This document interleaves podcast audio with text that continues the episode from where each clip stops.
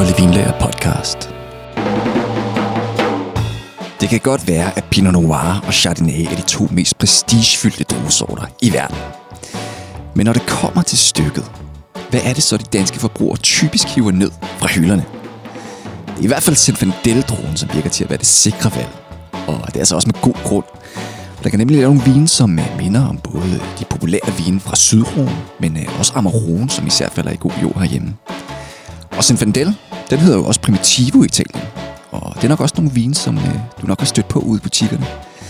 Men øh, følg med nu, for lige om lidt, så er der altså blevet klogere på den her dansker favorit.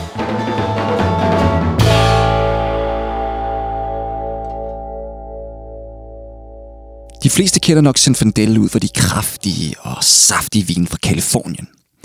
Men øh, som sagt, så hedder den jo også øh, Primitivo i Italien, og her står den altså også bag nogle fyldige og frugtige vine med høj alkohol. Så hvor hører den her droge sig egentlig hjemme? Er det i USA? Øh, nej, fordi øh, Sinfadel, det er jo en europæisk druesort, altså det her Vitis vinifera. Og øh, Vitis vinifera kom jo først til Amerika efter, at øh, hele den her kolonisering startede i de sidste år af 1400-tallet. Men Sinfandel-druen, den er altså også ældre end det. Men øh, den har faktisk en ret interessant historie, og det krævede altså også en del detektivarbejde at opsnappe den her historie. Og hvis vi starter med Primitivo-navnet, så stammer det fra 1799. Og her der var der en uh, amatørbotaniker, som havde fundet en druesort i sin vinmark, og den måned tidligere end de andre druer. Og det skete altså i Puglia-regionen i Syditalien. Og det er jo den region, som vi snakkede om i uh, sidste afsnit. Men fordi at den her droge den måned tidligt, så kaldte den Primitivo. Og det stammer fra det latinske primitivus, og det betyder så først til at modne. Altså Primitivo, det er nemlig en klon, som modner lidt tidligere end øh, uh, Zinfandelen fra USA.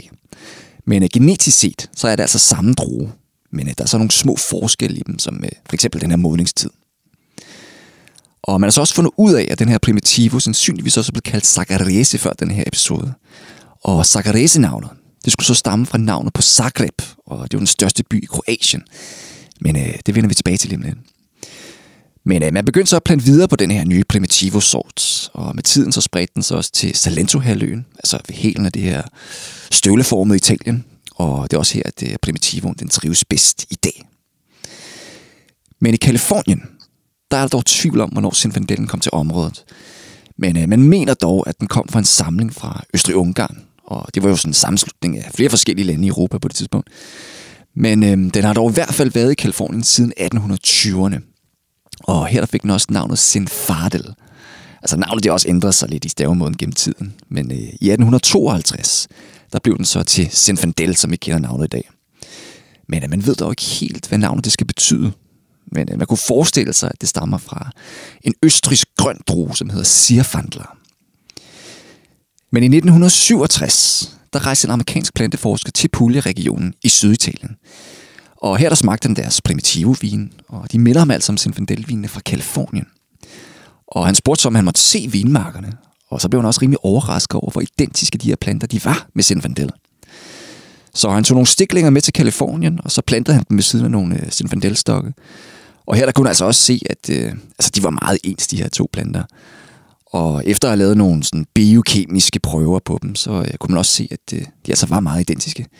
Men øh, det var altså før DNA-teknologien var opfundet, så det var altså et usikkert resultat. Men rygtet om, at Primitivo og Zinfandel var samme droge, det blev alligevel hurtigt spredt. Og det startede nærmest en krig over Zinfandelen. Altså i slutningen af 1970'erne, der begyndte producenterne fra Pule nemlig at sælge deres primitive vin som Zinfandel i USA. Og det fik jo så amerikanerne til ligesom at søge om en beskyttelse af det her Zinfandel-navn, så det kun var amerikanske producenter, som ligesom kunne øh, ja, bruge det på etiketterne. Og i 1985, der vandt amerikanerne altså, for øh, der var nemlig ikke nogen helt sikre beviser for, at det var den samme droge. Men det bevis, det kom dog i 1994, for her der kunne DNA-analyser altså bekræfte, at de var samme droge. Og i 1999, der fik Pula-producenterne så også lov til at kalde deres vin for Zinfandel. Så, vi ved altså, at Primitivo er ældre end Zinfandel. Altså husk nu på, det er stadig den samme drue, men den har bare eksisteret længere tid i Puglia end i USA. Så hvor kommer primitivoen fra? Altså som jeg nævnte lige før, så blev Primitivo jo også kaldt for Zagrese i 1700-tallet. Og det navn det er jo baseret på øh, navnet Zagreb, altså den største by i Kroatien. Og man var jo ude efter at finde ud af, hvor Sinfandelen eller Primitivoen stammede fra. Så man fulgte simpelthen det her kroatiske spor. Og man tog så også til Kroatien i midten af 1970'erne. Og man havde også en idé om, at Sinfandeltroen den kunne være identisk med en dalmatisk sort, som hedder Plavatsmali. Og Dalmatien, hvor den her Plavatsmali-dro kommer fra, det er så den sydlige del af Kroatien, som øh, ligger ud mod Adriaterhavet. Men øh, der var der jo ikke noget kemisk match mellem de her to druer. Men øh, igen, så blev der alligevel spredt et rygte om, at de var ens. Og det startede faktisk endnu en Zinfandel-krig, hvor øh, kroaterne nu fik lyst til at sælge deres Plavatsmali-vin i USA, men øh, bare under Zinfandel-navnet. Men i 1998, der startede den seriøse opsporing af Zinfandelen i Kroatien. Og den blev også kaldt The Sin Quest. Og her der lavede man altså også nogle mere nøjagtige DNA-analyser af den her Plavatsmali-drue. Men øh, igen, så var der ikke noget match med Zinfandel. Men øh, man blev ved med at finkæmpe vinmarkerne i øh, Dalmatien. Og så sendte man prøver afsted, når der dukkede sådan en, en mistænkt sort op, som øh, mindede om Zinfandel. Og endelig, i december 2001, der modtog man en prøve fra en vinstok, som stod i en øh, vinmark nord for byen Split. Og det er altså også en turistattraktion i dag for nørdede vinfolk. Altså den her vinmark, hvor den her vinstok den blev fundet. Og den her vinplante, den havde så det lokale navn Selena Castellanski. Og det betyder den røde fra Castella. Og den matchede sgu perfekt med Zinfandel. Og året efter, der fandt man altså også en gammel dames have. Og her der gik den under navnet Pripdrak. Og så 10 år efter, i 2011, der fandt man også et match på et 90 år gammelt udtørret blad. Og det var en del af en samling på et museum. Og her der var bladet navngivet som Tripidrak. Og det minder jo meget om Pripidrak. Og det er altså også samme druesort. Og man havde så også fundet ud af, at den var blevet kaldt Tripidrak helt tilbage i 1300-tallet her i øh, området omkring Split. Og fordi det er det tidligste navn for den her druesort, så er det altså også Tripidrak, som er det overordnede navn i dag. Så Zinfandel og Primitivo, det er så blevet synonymer for Tripidrak. Men øh, man må ikke kalde Zinfandel-vin for Tripidrak i Kalifornien. Ikke nu i hvert fald. Men øh, sjovt nok, så har Primitivo og Tripidrak den samme betydning. For det kroatiske ord Tripidraka det har nemlig en græsk afstamning, og det betyder tidligt modne. Altså fuldstændig ligesom Primitivo. Og kan du huske den her Plavatsmali-droge, som øh, man mistænkte for at være Zinfandel? Man fandt nemlig ud af, at Zinfandel var en af forældrene til Plavatsmali-drogen. Og øh, den anden forælder, det er så en, ja, en anden lokal droge fra Dalmatien.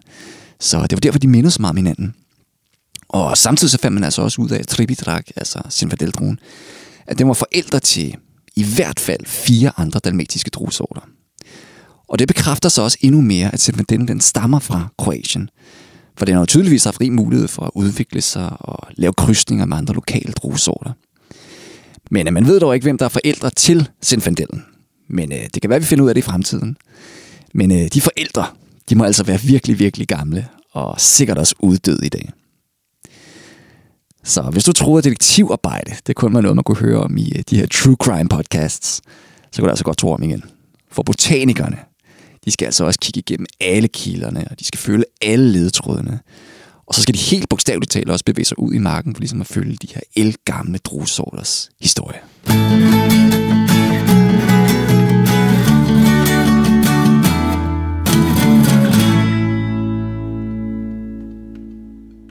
Sinfandel det er en produktiv drue, og derfor skal den også helst gro en ufrugtbar og veldrænet jord, så planten ikke går for meget mok. Og så er det en drue, der typisk har en moderat modningstid, medmindre det er primitivo-klonen, som øh, måneder tidligere. Og så er der også en tyndskældet drue, så man får ikke særlig meget farve ud af den, hvis den altså står alene. Men øh, drueklaserne, de kan også blive ret store og kompakte i det, og det giver altså også en risiko for sygdomme og angreb fra insekter. Og sådan en drueklase med Zinfandel, den har det også med at modne ujævnt. Så det betyder, at når man høster, så ser man tit, at der er nogle af druerne, som er overmodne og sådan rusineret i det. Og så er der andre druer på klassen, som er grønne og umodne. Og man kan så enten tynde ud i de her druer, eller også kan man bare ja, lade de grønne druer modne færdig. Men øh, så får man altså også bare nogle sukkerniveauer, som altså, kan lave en vin på 16-17% alkohol. Men øh, de gode Zinfandel-producenter, de accepterer altså bare, at druerne de modner ujævnt. Og så får man altså også bare en blanding af noget sødt og noget surt i de her vin. Og den stil fungerer altså også bedst.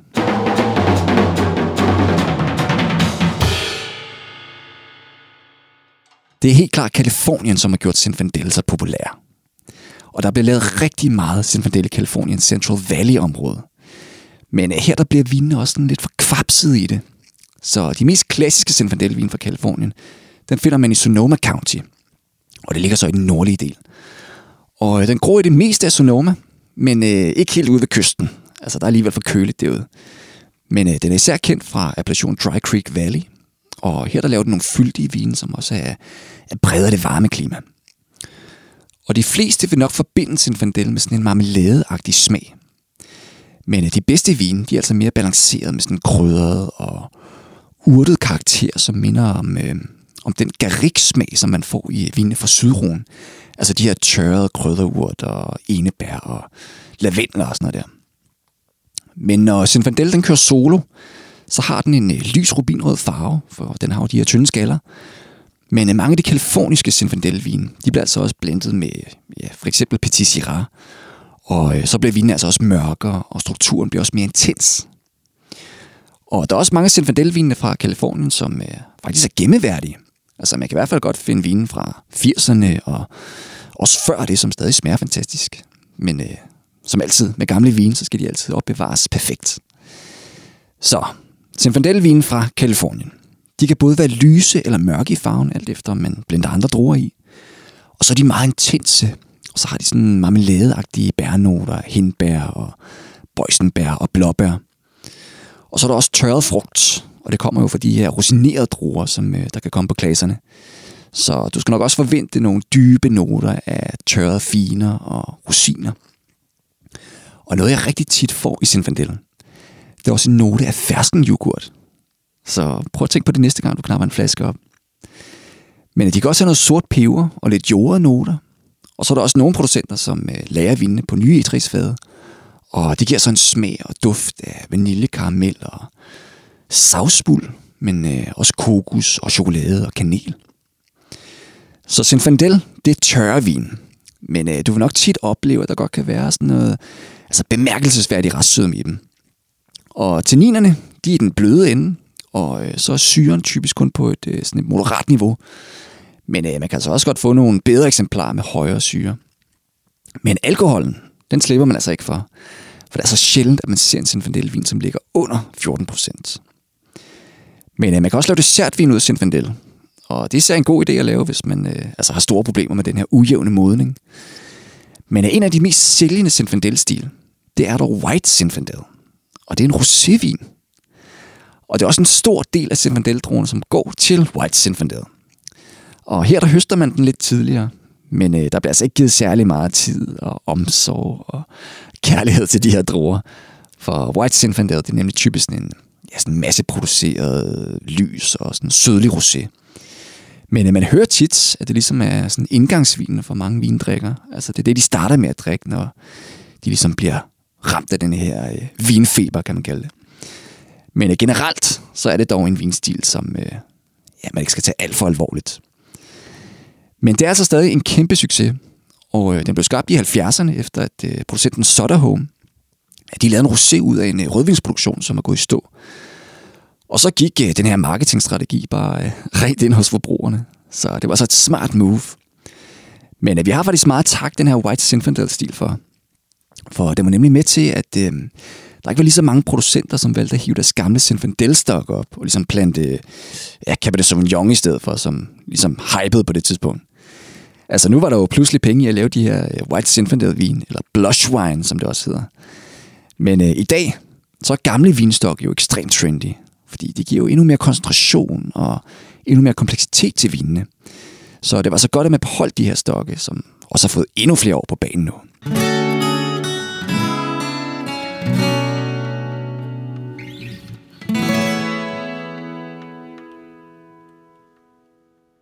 Det eneste sted, man for alvor finder Zinfandel, det er egentlig kun i Kalifornien og så i Puglia i Syditalien.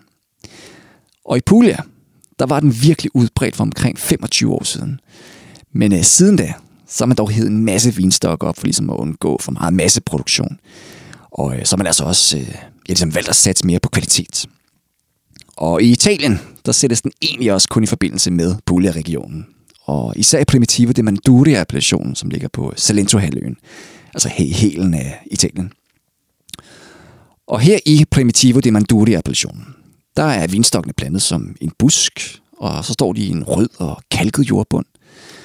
Og det er så også her, at øh, man ligesom får de mest strukturerede og mest komplekse vine.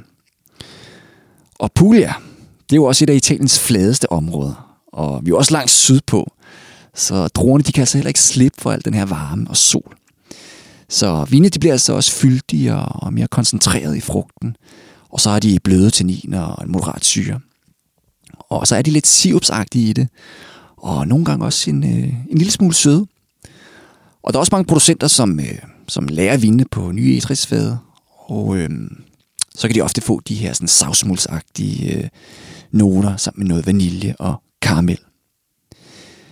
Men i Joy den kolde appellation, der er der mere bakket, og man kommer så også længere op i højden, og det giver så nogle mere elegante primitive vin. Så det er altså også noget, man kan prøve af. Men Zinfandel, den er så også blevet mere populær i Kroatien, efter man ligesom fandt ud af, at øh, ja, det var deres nationaldrue. Men det er altså ekstremt sjældent, at øh, du kommer til at støde på kroatisk vin i Danmark. Men øh, hvis du er i øh, Mexico eller i Australien for eksempel, så har du måske gode chancer for at støde på noget Zinfandel. Men øh, igen, det er altså ikke noget, som øh, man finder særligt tit i Danmark. Og det var så en lille introduktion til Zinfandel. Men øh, det er altså en drue, der skal opleves. For den passer også bare vildt godt til den mad, vi spiser hjemme. Altså især til julemad. Men er meget af det, vi ellers spiser, det minder også på mange måder om julemad. Altså det er tit kraftigt i hvert fald. Så tjek de links, jeg har sat op i episodenoterne, og så kan du bare gå i krig med den her drue. Og så vil jeg huske dig på at trykke abonner på podcasten, hvis du er ny lytter, og skriv gerne en anmeldelse på din podcast-app. Og husk også at følge os på Instagram og Facebook. Her bliver du nemlig opdateret på tilbud og nyheder. Og så kan du også altid sende mig spørgsmål på Instagram, hvis der er noget, du undrer dig over. Og ellers, så kan du også bare besøge en af vores fem butikker landet over. Og her der står min kollega klar til at finde den perfekte vin til dig. Så rigtig god fornøjelse med de her Zinfandel og primitive vine. Og så håber jeg, at vi ses næste gang til afsnit 28 af Holde Vinlærer podcast.